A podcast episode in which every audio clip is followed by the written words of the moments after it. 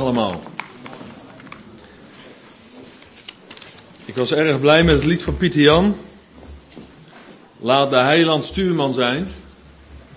Ik net zit altijd een beetje te lachen, maar ik heb in Annette een hele lieve, maar ook wel een beetje een pittige vrouw eh, van de heren gekregen. En laat ze nou ook nog stuurman heten. Maar dan ben ik wel bemoedigd dat we nou eh, vier, vijf keer hebben gezongen, laat de heiland stuurman zijn. Dus dat is voor mij uh, al genoeg om hier vanochtend in de samenkomst te zijn. Ik vond hem zelf wel aardig.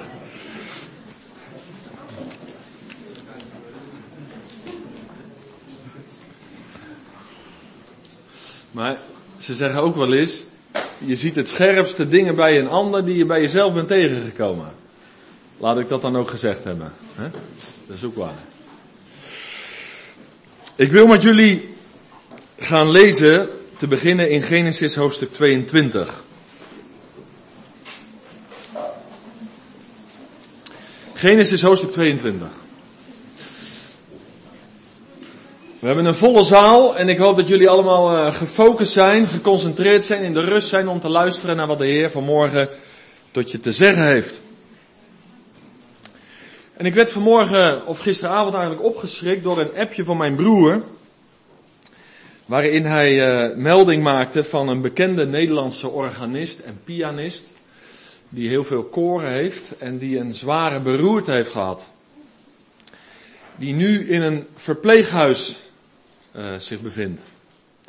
En ja, voor jullie zegt dat misschien niet zoveel, maar ik ben uh, altijd best positief over hem en ik heb ook een aantal keren met hem gesproken dat hij speelde en uh, en die kreeg een beroerte en zijn leven was muziek en hij had heel veel koren en ik ben daar nog steeds in mijn gedachten mee bezig en in één keer krijg je dan een beroerte en verblijf je in een verpleeghuis.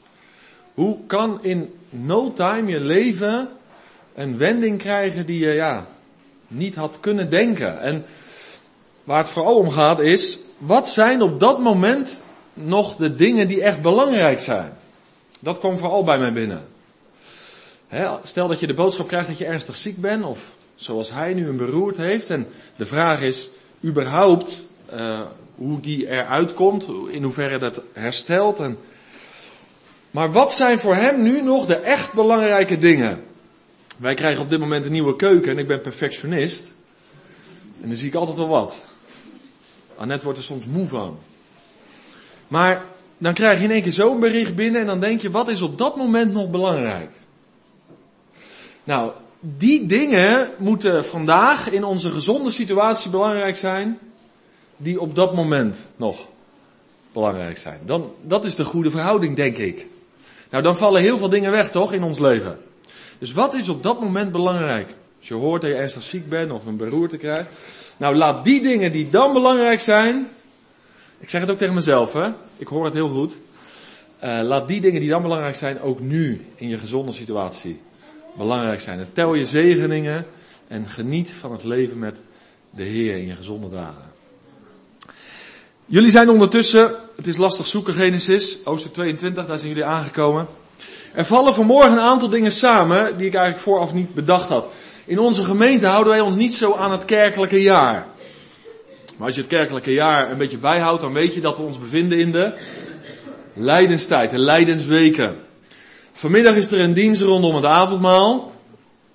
En vanmorgen wil ik met jullie nadenken over een heel ander aspect van de boodschap van Johannes de Doper. En dat is de boodschap dat hij heen wees naar het lam van God. Dus drie dingen vallen eigenlijk samen. We hebben een beetje kerkelijk jaar vanmorgen, lijdenstijd. We hebben avondmaal, samenkomst rondom het offer van de Heer Jezus. En we zijn bezig met de serie over Johannes de Doper en precies dit aspect kwam in de voorbereiding naar voren om te behandelen. Dus drie in één. Nou, dan heb je waar voor je? Geld. Genesis hoofdstuk 22, het eerste vers. Vier stukjes ga ik met jullie lezen. Hier gaat het over het offer van Abraham. En het gebeurde na deze dingen dat God Abraham op de proef stelde. En hij zei tegen hem, Abraham, en hij zei, zie, hier ben ik. Hineni. Vers 7. Toen sprak Isaac, oh sorry, vers 2 moet ik nog lezen. Hij zei, neem toch uw zoon, uw enige die u lief hebt, Isaac, Ga naar het land Moria en offer hem daar als een brandoffer op een van de bergen die ik u noemen zal. Vers 7. Toen sprak Isaac tot zijn vader Abraham en zei, mijn vader. En hij zei, zie hier ben ik mijn zoon. En hij zei, zie hier is het vuur en het hout, maar waar is het lam voor het brandoffer? En Abraham zei, God zal zichzelf voorzien van een lam voor het brandoffer, mijn zoon. Zo gingen zij beiden samen. Het is de eerste keer dat het woord lam in de Bijbel voorkomt. En hier gaat het om de vraag, waar is het lam? Nou gaan we een paar eeuwen verder en een paar hoofdstukken verder naar Jesaja 53. Dus in Genesis gaat het over de vraag, waar is het lam? In Jesaja 53 zien we die bekende profetie, de aankondiging van het volmaakte lam. Jesaja 53, het zevende vers. Laten we vers 6 erbij lezen. Wij, Jesaja 53 vers 6, dwaalden allen als schapen. En wij keerden onze ieder naar zijn eigen weg, maar de Heer heeft de ongerechtigheid van ons allen op hem doen neerkomen. Prachtige tekst. Toen betaling geëist werd, werd hij verdrukt, maar hij deed zijn mond niet open. Als een lam werd hij ter slachting geleid, en als een schaap dat stom is, stemmeloos, voor zijn scheerders, zo deed hij zijn mond niet open. Hij is uit de angst en uit het gericht weggenomen en wie zal zijn leeftijd uitspreken? Want hij is afgesneden uit het land van de levenden.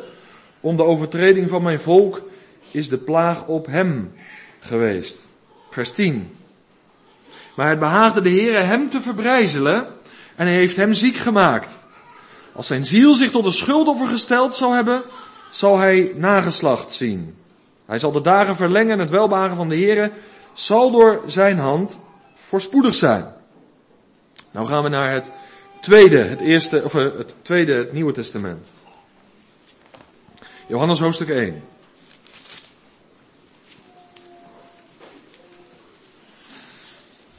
En het bijzondere dat is, in Genesis 22 wordt er in het Oude Testament voor het eerst gesproken over het lam. En dat in de vorm van een vraag. Waar is het lam? En de eerste keer dat het woord lam in het Nieuwe Testament voortkomt, is in Johannes hoofdstuk 1. En dan gaat het niet om de vraag naar het lam, maar dan is daar het antwoord op die vraag. Heel mooi. Johannes 1, vers 29. Daar lezen we, en de volgende dag zag Johannes Jezus naar zich toekomen. En hij zei, zie het lam van God, dat de zonde van de wereld wegneemt.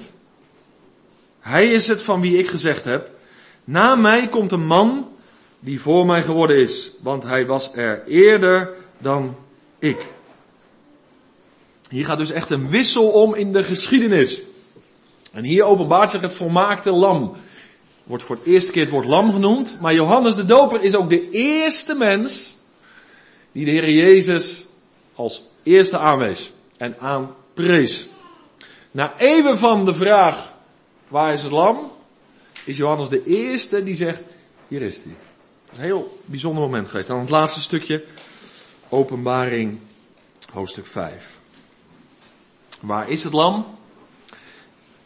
Johannes 1, zie het lam. Nou, dan moet er ook een derde punt komen, toch? En dat is zo mooi in het boek Openbaringen, daar gaat het over waardig is het lam. Openbaring, hoofdstuk 5. Openbaring hoofdstuk 5, dan vers 12 en 13. En zij zeiden met luide stem, het lam dat geslacht is, is het waard om de kracht te ontvangen en de rijkdom, wijsheid, sterkte, eer en heerlijkheid en dankzegging. En elk schepsel dat in de hemel op de aarde, onder de aarde en op de zee is. En alles wat daarin is, hoorde ik zeggen, aan hem die op de troon zit en aan het lam, zij de dankzegging, de eer, de heerlijkheid en de kracht in alle eeuwigheid. Amen. Nou, eigenlijk vier stukjes, ja, moet je daar nog heel veel van zeggen, hè? Het is eigenlijk heel eenvoudig, maar wel heel mooi. En misschien is het vanmorgen ook een heel eenvoudige boodschap, heel bekend. Maar dan hoop ik toch, als je deze drie punten alleen al uh, onthoudt, dan heb je een hele mooie lijn voor jezelf om vandaag heerlijk over te mediteren, om dat de nieuwe week mee in te nemen. De vraag naar het lam, de verschijning van het lam en uiteindelijk is er maar één doel, dat we vanuit de vraag en het antwoord in aanbidding komen en leven voor het lam. Nou, Johannes de Doper, hij leefde in een bijzondere tijd, dat hebben we al eerder gezien. En hij heeft een heel bijzondere boodschap. Misschien heb je wel eens gehoord van de Duitse kunstschilder Matthias Grunewald. En als je er nog nooit van gehoord hebt, moet je vanmiddag misschien eens gaan googlen.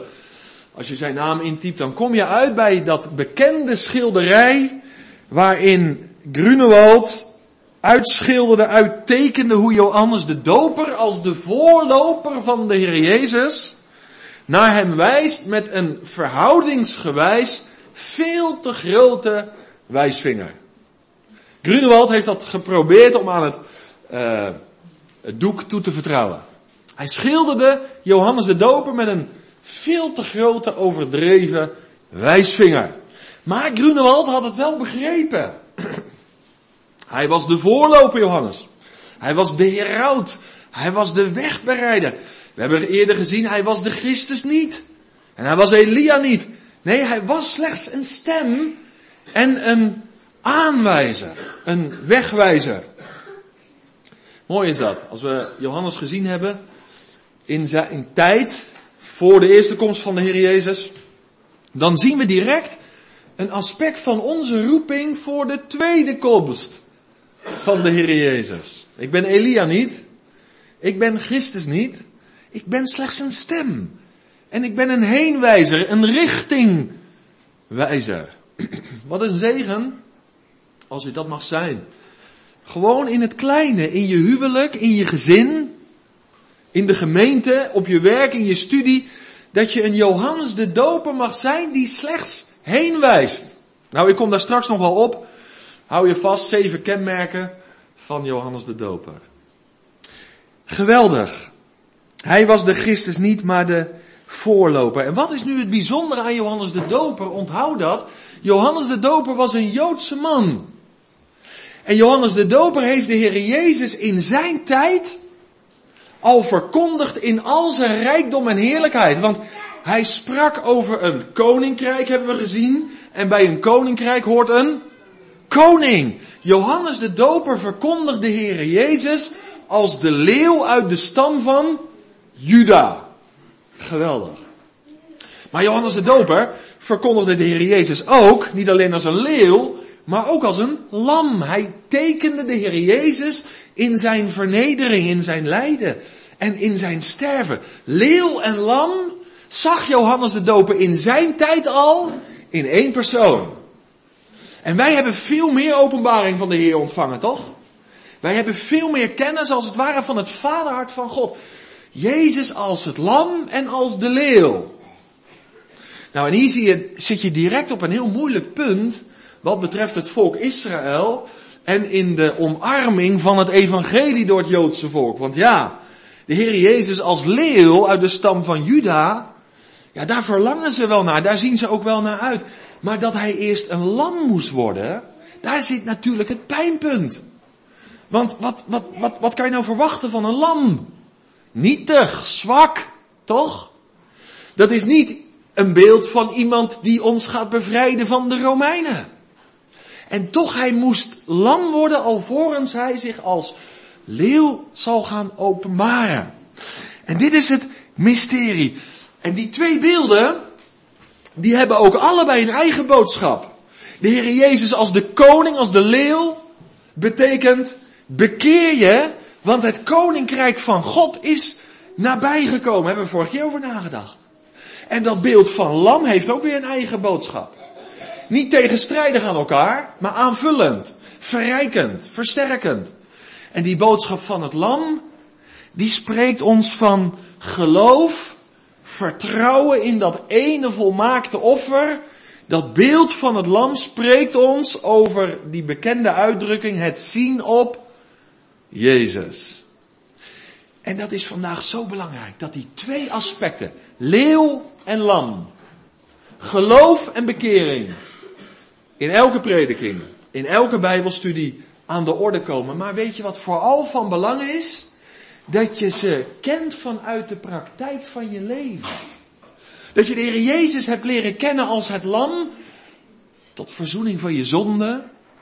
En dat je ook weet in je leven dat Hij de koning is, de leeuw op de troon van je hart. Leeuw en lam in de bediening van Johannes de Doper, in de prediking van Johannes de Doper. Maar ik hoop dat je vanochtend zegt, Jacques, het is veel dichterbij, het is veel reëler voor me nog, want ik heb hem aanvaard als lam en als leeuw. Nou, ik heb het vorige keer al gezegd, misschien moet je die grote poster kopen. Waar je die leeuw ziet zitten en dat lam komt dan uit zijn borst naar voren. Leeuw en lam, dat is mijn Heer. En dat is mijn heiland. Nou, twee begrippen, die moet je onderscheiden, maar je kan ze niet scheiden. Nu gaan we even inzoomen want ik ga het uiteindelijk alleen maar hebben over Johannes 1, vers 29. Zie het lam van God dat de zonde van de wereld wegdraagt. Twee begrippen.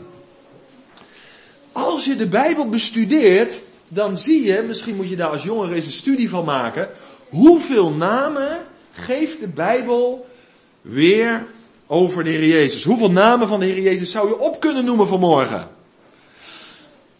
En zou je tot tien namen kunnen komen? Wie gaat er voor tien? Ja, je durft niet hè, want nou zeg ik, kom maar naar voren. Wie gaat er voor tien? Nou ja, wie gaat er voor vijf? Nou, kom op. Vijf namen van de Heer Jezus. Vijf durf je wel, hè? Ja, we gaan ho, ho oké, okay, Pieter Jan. Wie zou er tien kunnen noemen? Wie vijftien?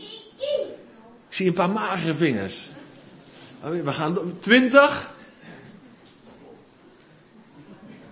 15 is een beetje de grens. Nou, ik ga het er over één hebben, want één van de namen van de Heer Jezus is dus het Lam van God. Nou, als je niks met de Bijbel hebt, moet je wel even realiseren. Als je niks met geloof hebt, dan is het best apart als, als je morgen op school over jouw Heer en Heiland spreekt, als het Lam van God, toch? Je zegt, mijn Heer, mijn de redder, mijn verlosser, zijn naam is Lam van God.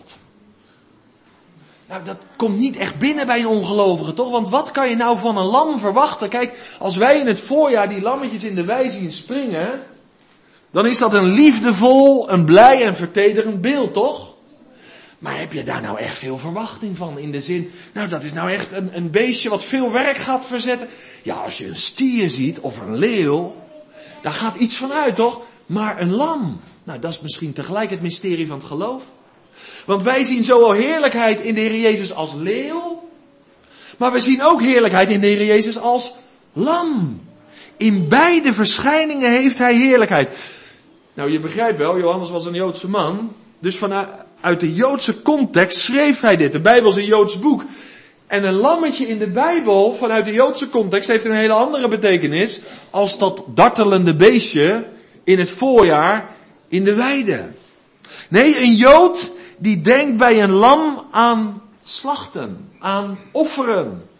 Het wijst op de Joodse eredienst, hè? Romeinen hoofdstuk 9, het vierde vers. Voor hen is de eredienst, voor hen is de heerlijkheid. Dat heeft te maken met de tabernakeldienst, met de tempeldienst. Nou, dan denk je aan lammeren, dan denk je aan offeren, dan denk je aan slachten.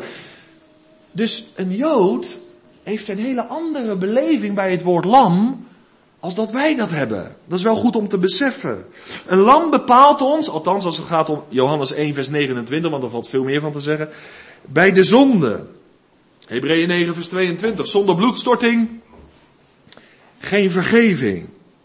En nu heb ik gezegd, de eerste keer dat dat woord lam in de Bijbel voorkomt, daarom is het altijd goed om te googelen, of in je concordantie te zoeken op het woord lam, of een ander woord. De eerste keer dat het voorkomt, lezen we dat in Genesis 22.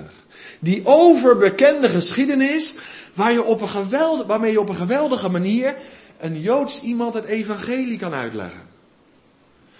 Het offer dat Abraham bracht, en dat offer was zijn zoon Isaac, zijn enige.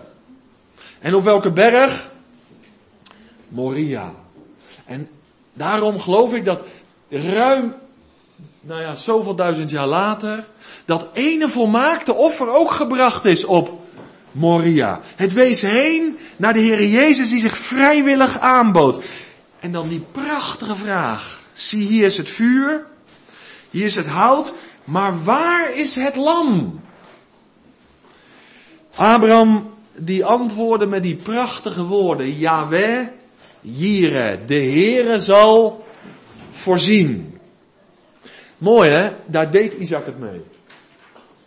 Ik weet niet wat hij nog meer gezegd heeft, wat hij nog gevraagd heeft, maar daar deed hij het mee. Dat was voldoende. De Heere zal voorzien. Ken je dat in je leven? Dat je leeft uit de voorzienigheid door de Heere God. Dan leef je ontspannen of niet? De Heere zal voorzien. Dat is niet oppervlakkig. Dat is niet zorgeloos. Maar dat is heilig onbezorgd. De Heere zal voorzien als het gaat om de vergeving van mijn zonde. Hij heeft voorzien, moet ik zeggen. Maar de Heer zal ook voorzien in dat wat ik nodig heb in het dagelijks leven. Ja, wij hier. Dat moet boven je leven staan. De Heer zal voorzien. Hoe groot is het genot van de wandel met God? Waarom? Gaat het me voor de wind? Nee, in tegendeel.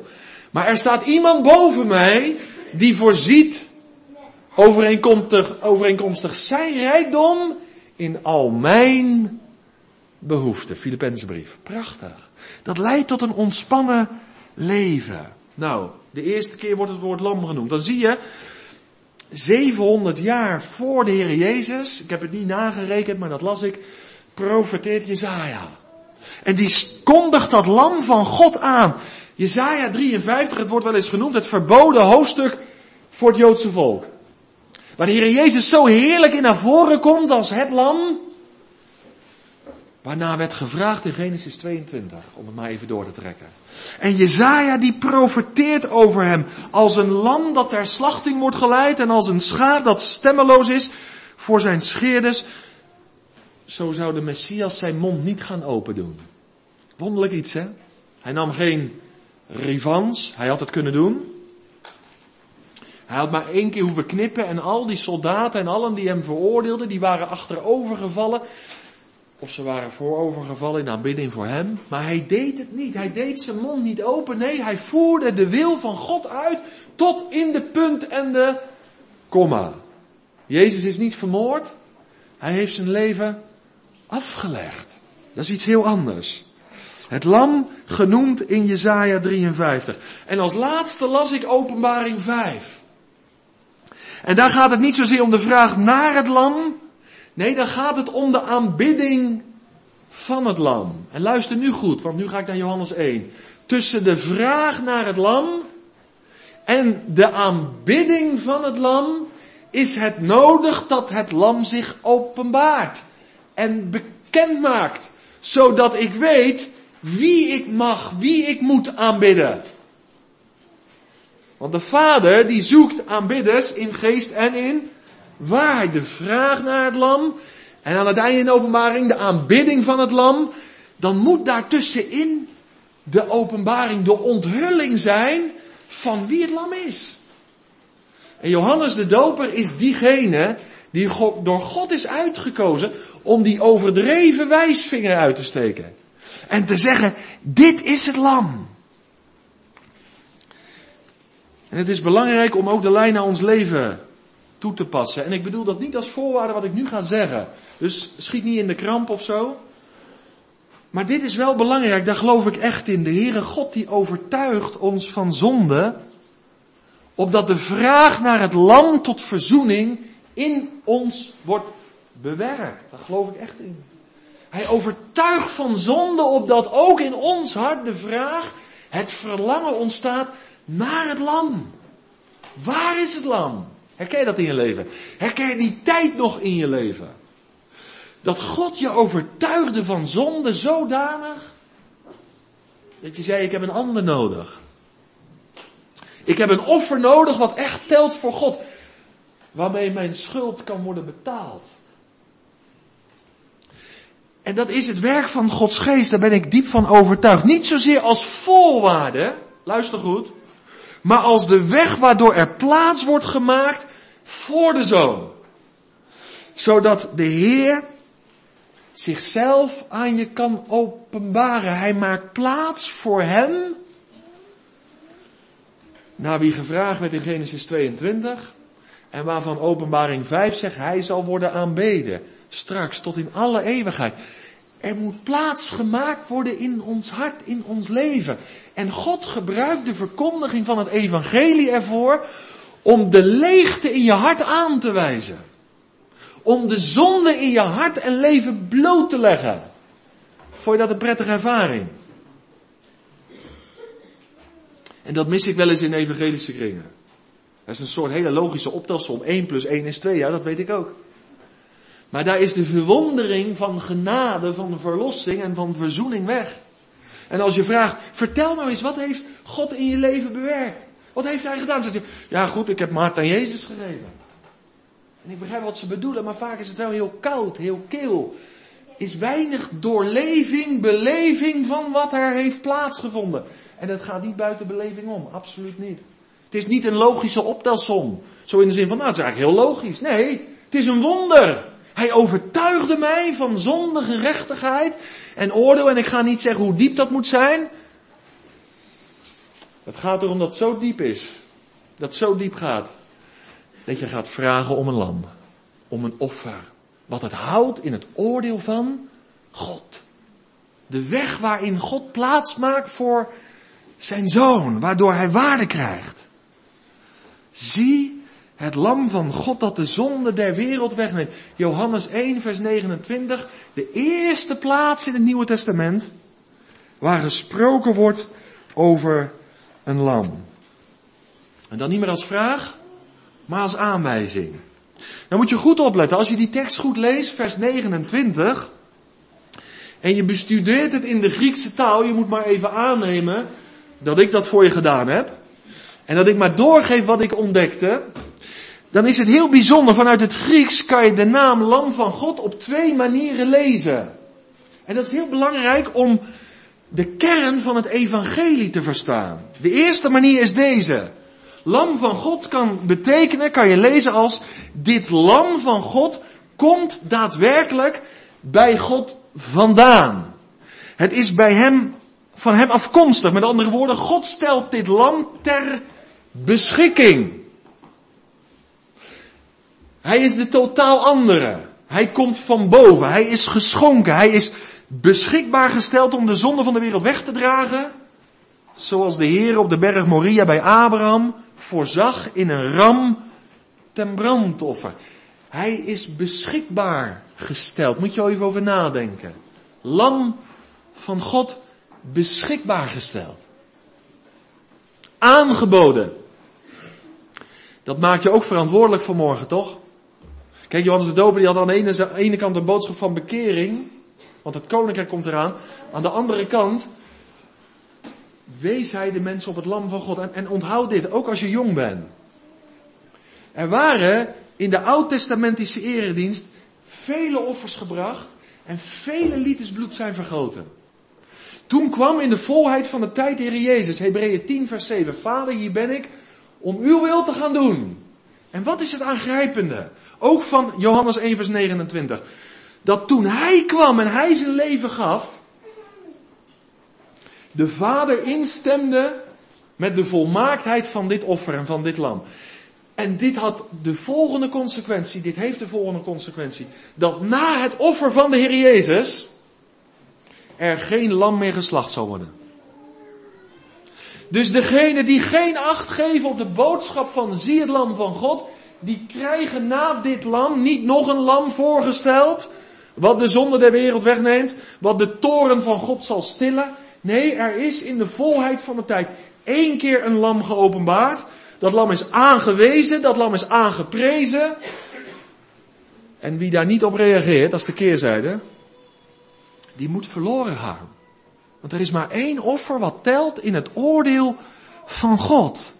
Dus het lam is ter beschikking gesteld. En de tweede mogelijkheid, de tweede manier hoe je dit kan lezen is, Het lam van God kan betekenen, dit lam hoort bij God. Het lam is niet ons eigendom, het is Gods eigendom. Dus het is beschikbaar gesteld en het is zijn eigendom. Deze is mijn geliefde zoon, mijn, in wie ik welbehagen heb, hoort naar hem. En deze twee, die zijn niet tegenovergesteld aan elkaar. Je hoeft niet te kiezen. Nee, het is allebei waar. Het lam van God, dat is Gods eigendom. En de goede boodschap is dat God het lam niet voor zichzelf heeft gehouden, maar wegschonk aan een wereld verloren in zonde en schuld. En als je dan kijkt naar het woord zonde, in vers 29, dan kan dat betrekking hebben op een zondige handeling, maar het, kan ook, het is ook in het Grieks een woord dat betekent, het is de samenvatting van alle mogelijke zonde. Nou, ik heb iets gezegd over de naam Lam van God. Ik heb iets gezegd over het offeren. Over de zonde. En dan zie je in de volheid van de tijd de Heer Jezus komen. Dat heb ik al genoemd. Hebreeën 10 vers 7. En zijn offer bracht hij voor eens en voor altijd. En hij is de hemel binnengegaan, zegt de Hebreeënbrief. Niet met vreemd bloed, maar met zijn eigen bloed. En zijn offer was voor de Vader een aangename geur. Met andere woorden, de Vader stemde in met het offer van de Heer Jezus. En nu moet je even je vinger houden bij Johannes 1. Want nu ga ik een aantal kenmerken noemen van Johannes de Doper. Want het is een serie over zijn leven. Nu gaan we er even op inzoomen. Want wat maakte de boodschap van Johannes de Doper, zie het lam van God, nu zo bijzonder? Ik ga zeven punten noemen. Heel kort. En toets je eigen leven. De eerste reden wat Johannes de Doper, maar vooral zijn boodschap, zie het lam van God, bijzonder maakte, is dit. Wat we lezen in Johannes 1, vers 14. Daar staat, en het woord is vlees geworden, lees maar mee, en heeft onder ons gewoond, en wij hebben zijn heerlijkheid gezien, een heerlijkheid als van de enige geborene van de Vader, vol van genade en vol van waarheid. En Johannes getuigt van hem en heeft geroepen, hij was het, van wie ik zei, hij die na mij komt is voor mij geworden, want hij was er eerder dan ik.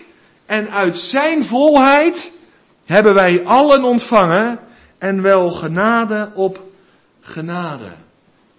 Johannes de Doper verkondigt een boodschap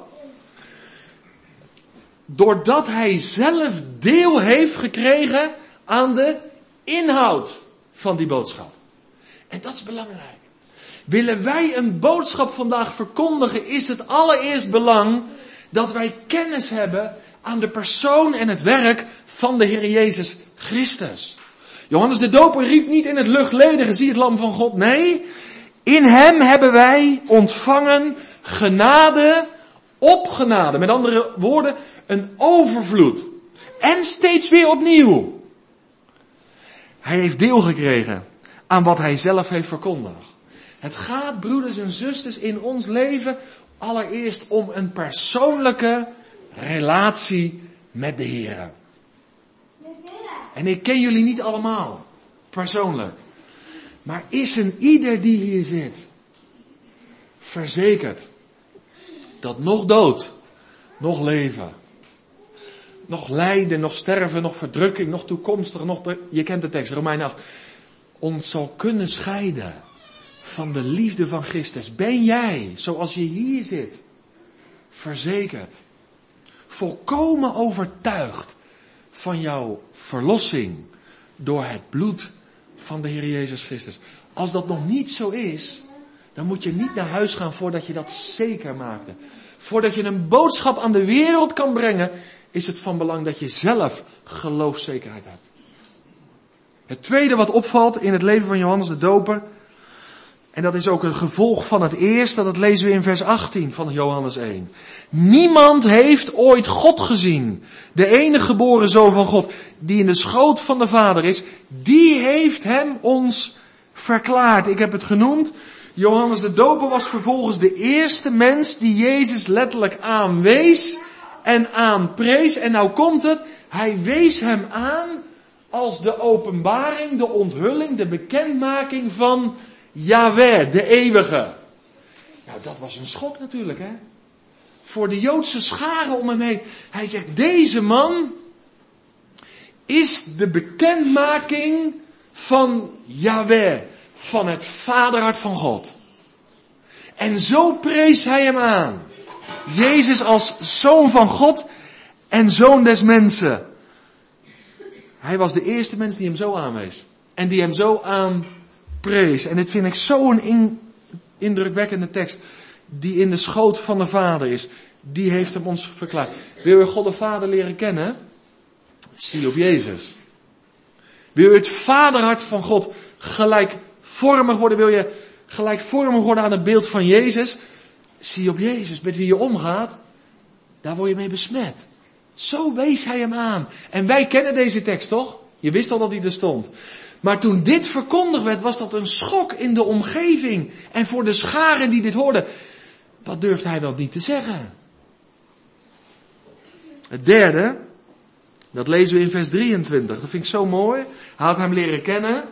En waar je hart vol van is, daar loop je mond van over. Hoeveel waarde heeft de Heer Jezus voor je? Prijs je hem aan? Wijs je hem aan? Word je leven daardoor gekenmerkt? Nou, het volgende is dan, in vers 23, het volgt zich allemaal op.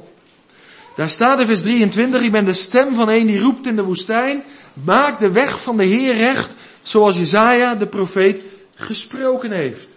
Jezaja had geprofiteerd over Johannes de Doper, maar in de tijd dat Johannes de Doper opkwam, was hij ook beschikbaar om een wegbereider te zijn, om een voorloper te zijn, om een hero te zijn.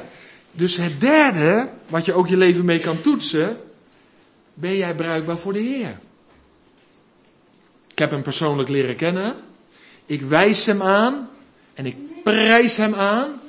Maar dat lijkt een beetje op zo'n stalen verkeersbord, zo'n richting aanwijzen. En staal is koud en kil, dat staat soms midden op een rondonde en wijst slechts de weg. Maar als je contact en een relatie met de Heer hebt, dan kom je ook in beweging. Dat is niet koud, dat is niet kil, dat is niet statisch, maar dat is dynamisch. Dan zeg je, Hineni, zie hier ben ik. Dan hoef je niet naar Zuid-Afrika te gaan of Zuid-Amerika, maar beschikbaar zijn. In je huwelijk als je getrouwd bent, in je gezin. En gewoon in die eenvoudige omgeving van studie, van werk. Dat is het derde kenmerk van Johannes de Doper. Hij was bruikbaar voor de Heer. Een stem, een wegbereider, een heraut. Dan gaan we naar de vierde, vers 27. Hij is het die na mij komt en die voor mij geworden is en bij wie ik het niet, bij wie ik het niet waard ben de riem van zijn sandalen los te maken. Het vierde kenmerk van Johannes de Doper is dat hij een nederige houding heeft. Het beeld wat hij in vers 27 gebruikt is het beeld van een slaaf. Wie maakte de riemen van de sandalen los? Dat deden de slaven. En Johannes de Doper zegt, ik ben zelfs minder in het licht van wie Jezus is als een slaaf.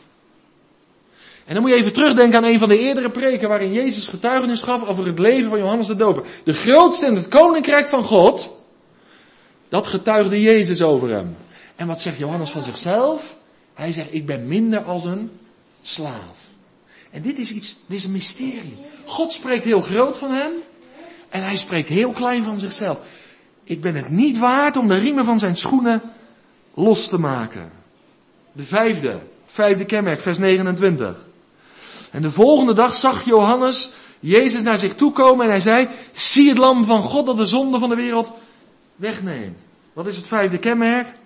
Johannes wijst van zichzelf af.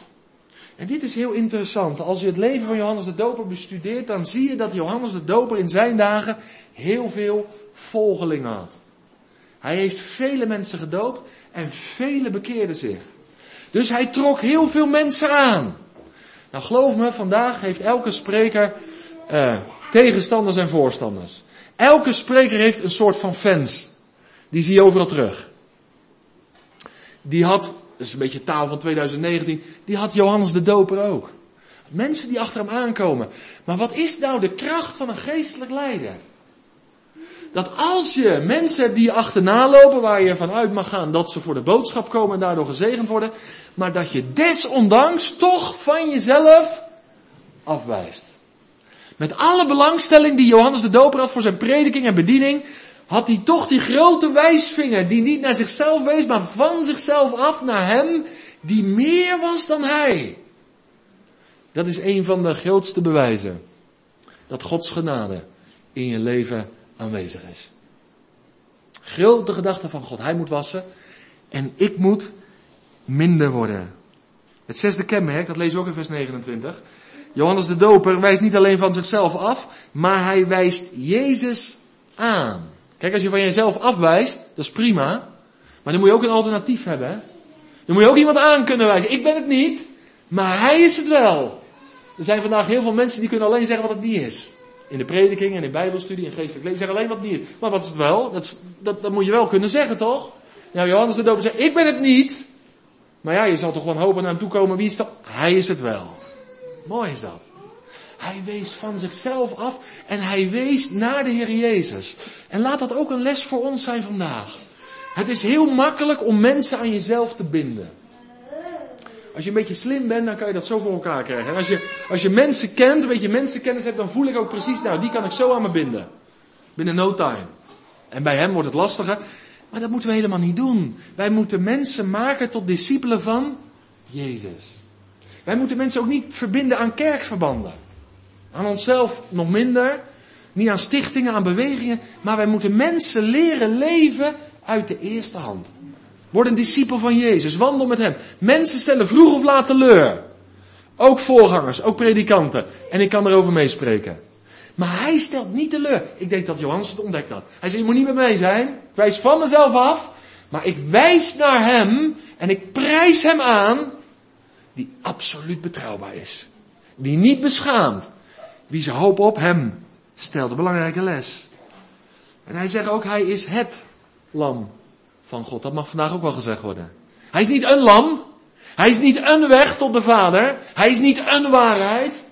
Nee, hij is de weg, de waarheid, het leven en het lam. Het enige lam, het enige offer wat door de Vader werd goedgekeurd. Al die andere wezen heen, al die offers, al, die, uh, al, dat bloed wat vergroot is. Maar hij is het lam. Dat mogen we vandaag wel vasthouden. Zijn vele wegen tot Rome, maar er is maar één weg tot de Vader. Johannes had een scherpe boodschap, vind je niet? Maar wel een boodschap waarmee hij een fundament neerlegde, waar je het, op, uh, waar je het mee kon doen, waar je op kon bouwen. En dan het laatste, lees met mij mee, het zevende kenmerk. En dat staat in Johannes 1, vers 35, dat vind ik zo mooi. Die boodschap van Johannes de Doper, zie het lam van God, was helemaal door hem heen gegaan. Hij had dat bevindelijk leren kennen. Het was niet iets van zijn verstand alleen. Het ging helemaal door hem heen. Waar zijn hart vol van was, daar liep zijn mond van over. Hij kwam in beweging, hij was bruikbaar. Hij wees van zichzelf af, hij wees hem aan. Maar weet je wat er gebeurt met zo'n leven? Onthoud dat, hè? ook vandaag in de eindtijd. Zo'n leven gaat vrucht dragen. En dan, dat vind ik zo'n machtige geschiedenis, vers 35 Johannes 1. Je vindt alles in Johannes 1 terug. En de volgende dag stond Johannes daar weer met twee van zijn discipelen. Zie je dat? Met twee van zijn discipelen. Johannes had ook discipelen. En dan gaat hij weer. En toen hij Jezus zag lopen, een paar versen daarvoor kwam Jezus aan en dan zegt hij, zie het lam van God. Nou is hij met twee van zijn discipelen, zijn discipelen. En dan ziet hij Jezus lopen en zegt, zie het lam van God. Hij is weer van zichzelf af. Nou, nadat je het één keer gedaan hebt, is toch wel goed? Nee, hij blijft maar van zichzelf afwijzen. En dan zo mooi. En de twee discipelen hoorden hem dat zeggen. Mooi hè? En zij volgden Jezus. En toen Jezus zich omkeerde en zag dat zij volgden, zei hij tegen hem, wat zoekt u? En ze zeiden tegen hem, rabbi, wat vertaald wil zeggen, meester, waar woont u? En hij zei tegen hen, kom en zie. Geweldig hè? Dus Johannes verbindt mensen aan Jezus. Hij maakt mensen tot discipelen van hem. Maar degene die tot discipel van Jezus worden, die worden op hun beurt ook weer wervers in het koninkrijk van God. Mooi hè?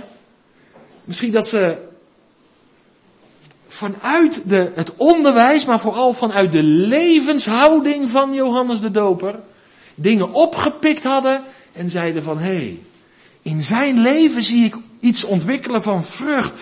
En dan zie je vervolgens in de laatste verse, hè, eh, vers 41, Andreas de broer van Simon Petrus was een van de twee die het van Johannes gehoord hadden. Mooi is dat hè? Ben jij zo iemand? Ja, ik heb het van Pieter gehoord. Wat? Nou, over Jezus. Oh, hij heeft het niet over zijn kerkverband. Nee. Ook niet over zijn predikant. Nee, ook niet. Nee. Niet over zijn, hij had het over Jezus. Ik heb het van hem gehoord. Sta je zo bekend? Ik hoop dat je een beetje de lijn van de boodschap pakt vanmorgen. Zie het lam van God. Het was helemaal door Johannes de Doper heen gegaan. Hij was er vol van, hij hield geen woord achter. Hij predikte met kracht en autoriteit. Ging uit in de geest en de kracht van Elisa, Elia. En hij draagt vrucht in zijn leven. Mensen, die zeggen, ja, die Johannes de Doper, die geeft goede adviezen. Want ik ben bij hem uitgekomen, wie te kennen het leven is. En dit is zo mooi. En dan zie je het vervolgens gebeuren, vers 42. Deze vond als eerste zijn eigen broer, Simon, en zei tegen hem, wij hebben de, er staat niet, wij hebben Jezus gevonden, wij hebben de Messias gevonden, wat vertaald wordt als de Christus. Mooi hè? Joodse mensen verwachten de Messias, Christus, de gezalde. Ja, het gaat als een olievlek. Wat een zegen. Als deze serie, misschien heb je niet alles gevolgd, alles begrepen, maar als dit het gevolg is. Dat het als een olievlek door Alblasserdam, nee, niet zozeer de christelijke gemeente Alblasserdam, maar, maar als, als, als, als organisatie, als beweging, nee, ze hebben me daar over Jezus verteld. En ik ben bij hem uitgekomen. Nou ja, en dan gaat het vervolgens weer verder. We hebben de Messias gevonden in vers 43 en hij leidde hem tot Jezus. En Jezus keek hem aan en zei, u bent Simon de zoon van Jona, et cetera, et cetera. De een volgt de ander op. Een olievlek. Waarom leven wij vandaag nog? Wat denk je? We leven nog maar met één doel. Het is, het is, eh, we leven puur in de genadetijd. Dat wil zeggen dat de boodschap van zie het lam van God enerzijds, het lam, en de boodschap van bekeer je, het koninkrijk komt nabij, de koning, dat is de reden waar we hier nog voor zijn. Echt. Echt. Om, om dat duidelijk te maken in, in verband van huwelijk en gezin, gemeente. Maar het moet wel buiten deze muren gaan komen. En dan hoeven ze het niet over ons als gemeente te hebben. Maar ze moeten wel dit kunnen zeggen. Wij hebben daar gehoord van Jezus. En van het lam van God. En van de koning die komt. Nou, ik ga beginnen met afsluiten. Een paar minuten nog. Iets moois. En dat vind je misschien wel moeilijk, ook als je jong bent. Want je zegt nu natuurlijk, ja, ik kan begrijpen dat Johannes de Heer Jezus aanwees, aanprees, maar Jezus was toen lichamelijk aanwezig. Ja, ja, dan kan je toch zeggen, zie het lam van God. Je kan hem aanwijzen, je kan hem aanraken. Maar hoe kan ik nu vandaag zeggen tegen iemand, zie het lam van God? Nou, nergens bedoelt de Bijbel dat een christen vandaag met zijn lichamelijke ogen, Jezus, lichamelijk ziet. Maar het zien op Jezus is een beeldspraak. Er zijn ook boeken die die titel dragen. En het is beeldspraak en het staat voor geloven, voor vertrouwen. Het is God die Christus openbaart aan blinde mensen. Voor het eerst. En steeds weer opnieuw en steeds dieper. Dat doet hij door hen te laten zien in de rijkdom van het evangelie. Je kan vandaag Jezus zien. In de Bijbel. Door het evangelie heen. En ik ga een stukje voorlezen. Dat doe ik eigenlijk nooit, maar toch doe ik het. En dat is een beetje de afsluiting van mijn boodschap. Over de bekende opwekkingsprediker Charles Haddon Spurgeon. En dat vind ik zo mooi hoe hij dat zien uitlegt. Het is een krachtige prediker geweest die voor duizenden tot zegen is geweest. Luister. Charles Haddon Spurgeon vluchtte tijdens de sneeuwstorm in 1856, poosje terug, als 15-jarige jongen een kerk in. En de voorganger kwam die ochtend niet opdagen. Hij zat vast in de sneeuw. En een arme man, een schoenmaker of kleermaker, zoiets, zei Spurgeon, ging de preekstoel op om te preken. En hij was wel verplicht om bij zijn tekst te blijven, om de simpele reden dat hij niets anders te zeggen had dan alleen zijn tekst. De tekst kwam uit Jesaja 45, vers 22. En de King James die vertaalt dat vers zo. Look unto me and be saved, all the ends of the earth. For I am God and there is none else. Zie op mij en word behouden, alle einden der aarde. En Spurgeon vervolgt, hij zegt, er lag, zo dacht ik, een glimp van hoop voor mij in die tekst. En de spreker begon zo, mijn vrienden, dit is echt een heel eenvoudige tekst. Er staat, kijk, zie. Nou, dat vereist niet veel inspanning, zei hij. Je hoeft je voet of je vinger er nog niet voor op te tillen. Er staat alleen maar kijk, zie. Niemand hoeft een hogere opleiding te volgen om te leren kijken. Zelfs de grootste dwaas kan nog kijken. Je hoeft ook niet veel te verdienen om te kijken. Iedereen kan kijken. Een kind kan kijken. Maar dit is wat er in de tekst staat. De tekst gaat verder met kijk naar mij. Velen van u, misschien ook vanochtend wel, kijken naar zichzelf. Dat heeft geen enkele zin. U zult nooit steun vinden in uzelf. Toen vulde de goede man zijn tekst op deze manier aan. Kijk naar mij. Ik zweet grote druppels als bloed. Kijk naar mij, ik hang aan een kruis. Kijk, ik ben dood en begraven. Kijk naar mij, ik sta weer op. Kijk naar mij, ik ga naar de hemel en ik zit aan de rechterhand van de Vader. Oh, kijk naar mij, kijk naar mij. En toen hij zo ver gekomen was en ongeveer tien minuten had volgekregen, was hij uitgepraat. En toen keek hij naar mij, zegt Spurgeon. Ik zat onder de galerij. En aangezien er zo weinig aanwezig waren, wist, ik on, wist hij ongetwijfeld dat ik een vreemde was. En hij zei, jongeman, je ziet er ellendig uit. Nou, dat was inderdaad zo. Maar ik had nog nooit meegemaakt, zegt Spurgeon, dat er vanuit de preekstoel, vanaf de preekstoel, opmerkingen gemaakt werden over mijn persoonlijke verschijning.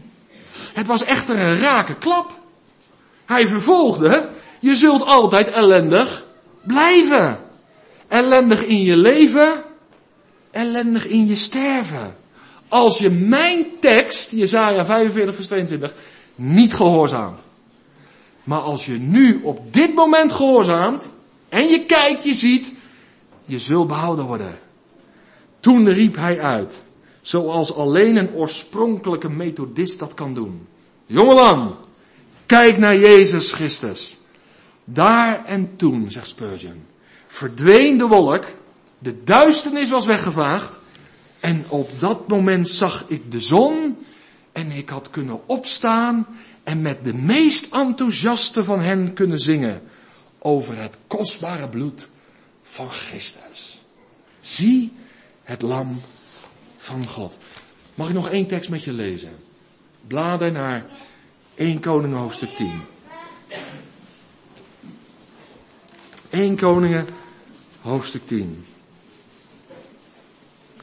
Dit indrukwekkende getuigenis van Spurgeon laat zien dat je vandaag Jezus kan zien op het moment dat je de Bijbel tot je neemt. En zien is in de Bijbel een beeld van geloven, van vertrouwen. Wie zag op de koperen slang, die was genezen. Zie en leef. Geloof en leef. Vertrouw en leef. De vraag in het Oude Testament. Waar is het lam? Het antwoord in het Nieuwe Testament. Zie het lam. Maar waar moet het op aankomen in ons leven? We moeten komen tot aanbidding van het lam. Dat is niet alleen straks in de heerlijkheid, maar dat is vandaag al een leven van aanbidding. En dit vind ik zo mooi. Wat in 1 Koningen 10 staat. We gaan het even lezen, vers 2. Het gaat over de ontmoeting van de koningin van Sheba. Die op bezoek gaat bij Salomo. En zij kwam naar Jeruzalem. Dat vind ik zo indrukwekkend. Waarbij Salomo een type van de Heer Jezus is. Met een zeer groot gevolg. Met kamelen beladen met specerijen. Met zeer veel goud en met edelstenen. En zij kwam bij Salomo en sprak tot hem over alles wat zij op haar had, hart had. Het is een Bijbelse uitdrukking, hè? iets op je hart hebben. Dat had de koningin van Sheba. En Salomo verklaarde haar al haar vragen. Geen ding was voor de koning verborgen. Denk aan de Heer Jezus. Dat hij haar niet kon verklaren. En toen de koningin van Sheba alle wijsheid van Salomo zag, zag, je kan de wijsheid van Jezus zien, waar dan? In het woord. toen ze die wijsheid van Salomo zag en het huis dat hij gebouwd had, nou ja, de gemeente die hij aan het bouwen is, je volgt het wel hè? Het voedsel op zijn tafel, vanmorgen krijg je weer wat te eten. En hoe zijn dienaren aanzaten, hoe zij bedienden, klaar stonden, hun kleding, priesters onder het nieuwe verbond, zijn schenken, zijn brandoffers, die hij bracht in het huis van de Heer, was zij buiten zichzelf. Het zien op Jezus brengt je in hogere geestelijke sferen. Geen yoga, geen meditatietechnieken, al die onzin. Zien op Jezus brengt je in hogere geestelijke. Prachtig toch? Zij was buiten zichzelf. Was nog voor Pinksteren dit, hè? Vers 6. En toen zij, de, zij zei tegen de koning, het was de waarheid. Mooi, hè? Dan mag je tegen Jezus zeggen, het is de waarheid. Wat ik in mijn hand over uw woord, in mijn land over uw woorden en over uw wijsheid gehoord heb. Maar ik geloofde die woorden niet. Totdat. Totdat ik kwam, en dan komt het zinnetje, en mijn ogen het zagen. Zie, nog niet de helft was mij verteld. U hebt wat uw wijsheid en welstand betreft. Het gerucht dat ik gehoord had overtroffen. Ik vind dit zo prachtig mooi. Ik vind dit zo indrukwekkend. Ze kwam bij Jezus, bij Salomo, ze had veel van hem gehoord. Ze zei maar, de helft is me nog niet aangezegd. En nou ben je tot geloof gekomen. Ik weet niet tot hoe, hoe lang geleden dat is geweest. Voor mij 19 jaar. En na 19 jaar moet je eerlijk bekennen en beleiden, hoe meer ik weet, hoe meer ik erachter kom dat ik nog zo weinig weet. Van wie? Van de Heer Jezus als de leeuw uit de stam van Juda, koning. Maar ik weet ook nog zo weinig van het lam van God. Dat de zonde der wereld wegdraait, wegdraagt, wegneemt. En daarom zegt Petrus, was dan op in genade en kennis in de eindtijd. Hij schrijft dat in het licht van de eindtijd, levend voor de tweede komst van de Heer Jezus. Was dan op, groei op in genade en kennis van het lam van God. In genade en kennis van de leeuw uit de stam van Juda. En met dat je op was, getuig je met de koningin van Sheba. De helft is mij nog niet aangezegd. Ken je dat proces in je leven? Het is niet zo dat je op een gegeven moment al klaar bent met de Heer Jezus en zijn werk. Nou, nou gaan we andere thema's behandelen in de gemeente. Want nu hebben we het wel gehad. Dat is het grootste bewijs. Dat je nog onbekeerd leeft. Echt. Dat je ongelovig je weg voortzet. Maar daar waar je iets gesmaakt hebt en geproefd dat de Heere goed is, ga je elke dag iets afleren, elke dag iets aanleren, meer kennen van het vaderhart van God, meer kennen als Jezus het lam, meer kennen van Hem als Jezus de leeuw. En zo mag ik groeien.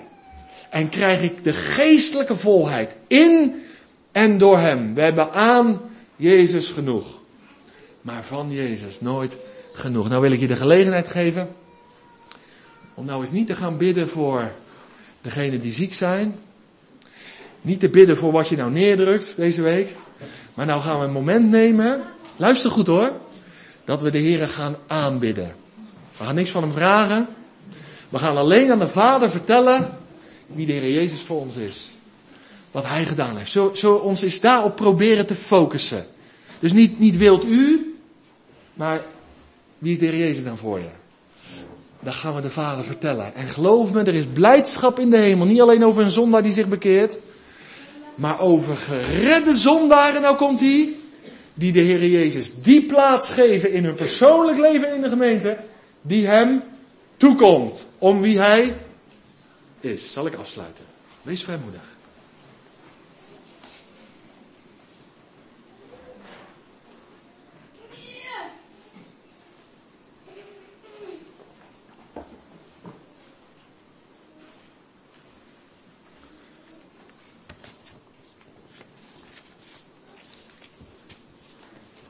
Vader, dank u wel deze morgen aan mij liet zien uw zoon Jezus niet alleen mijn herder is, maar uw zoon Jezus is uw lam. En daarmee mijn lam. Halleluja. Amen. God en onze Vader, en de God van trouw, en barmhartig, en goedhartig voor ons, Heer. Vader, dat is we niet, maar we hebben alles ontvangen uit u, Heer. We zijn zo dankbaar, Vader, dat u onze Vader bent, Heer. Andere woorden zijn op zoek naar God, Heer, God, maar u bent onze Vader door Jezus, Heer. Oh, wat een genade hebben we gekregen. Vader, we danken u. Voor deze gemeente bedanken voor onze broeders, Heer, voor onze zusters, Heer, wereldwijd, Heer. God, waar we komen, Heer. Overal ontmoeten we, Heer, God, uw kinderen, Heer. Daar zijn we zo blij mee en dankbaar voor. Vader, dank u wel, Heer. God, dat u uh, ons leidt, Heer. God, dat u in ons woont, Heer. God, dat u ons vernieuwd en veranderd aan uw beeld van uw zoon, Heer. God, wat genade, Heer.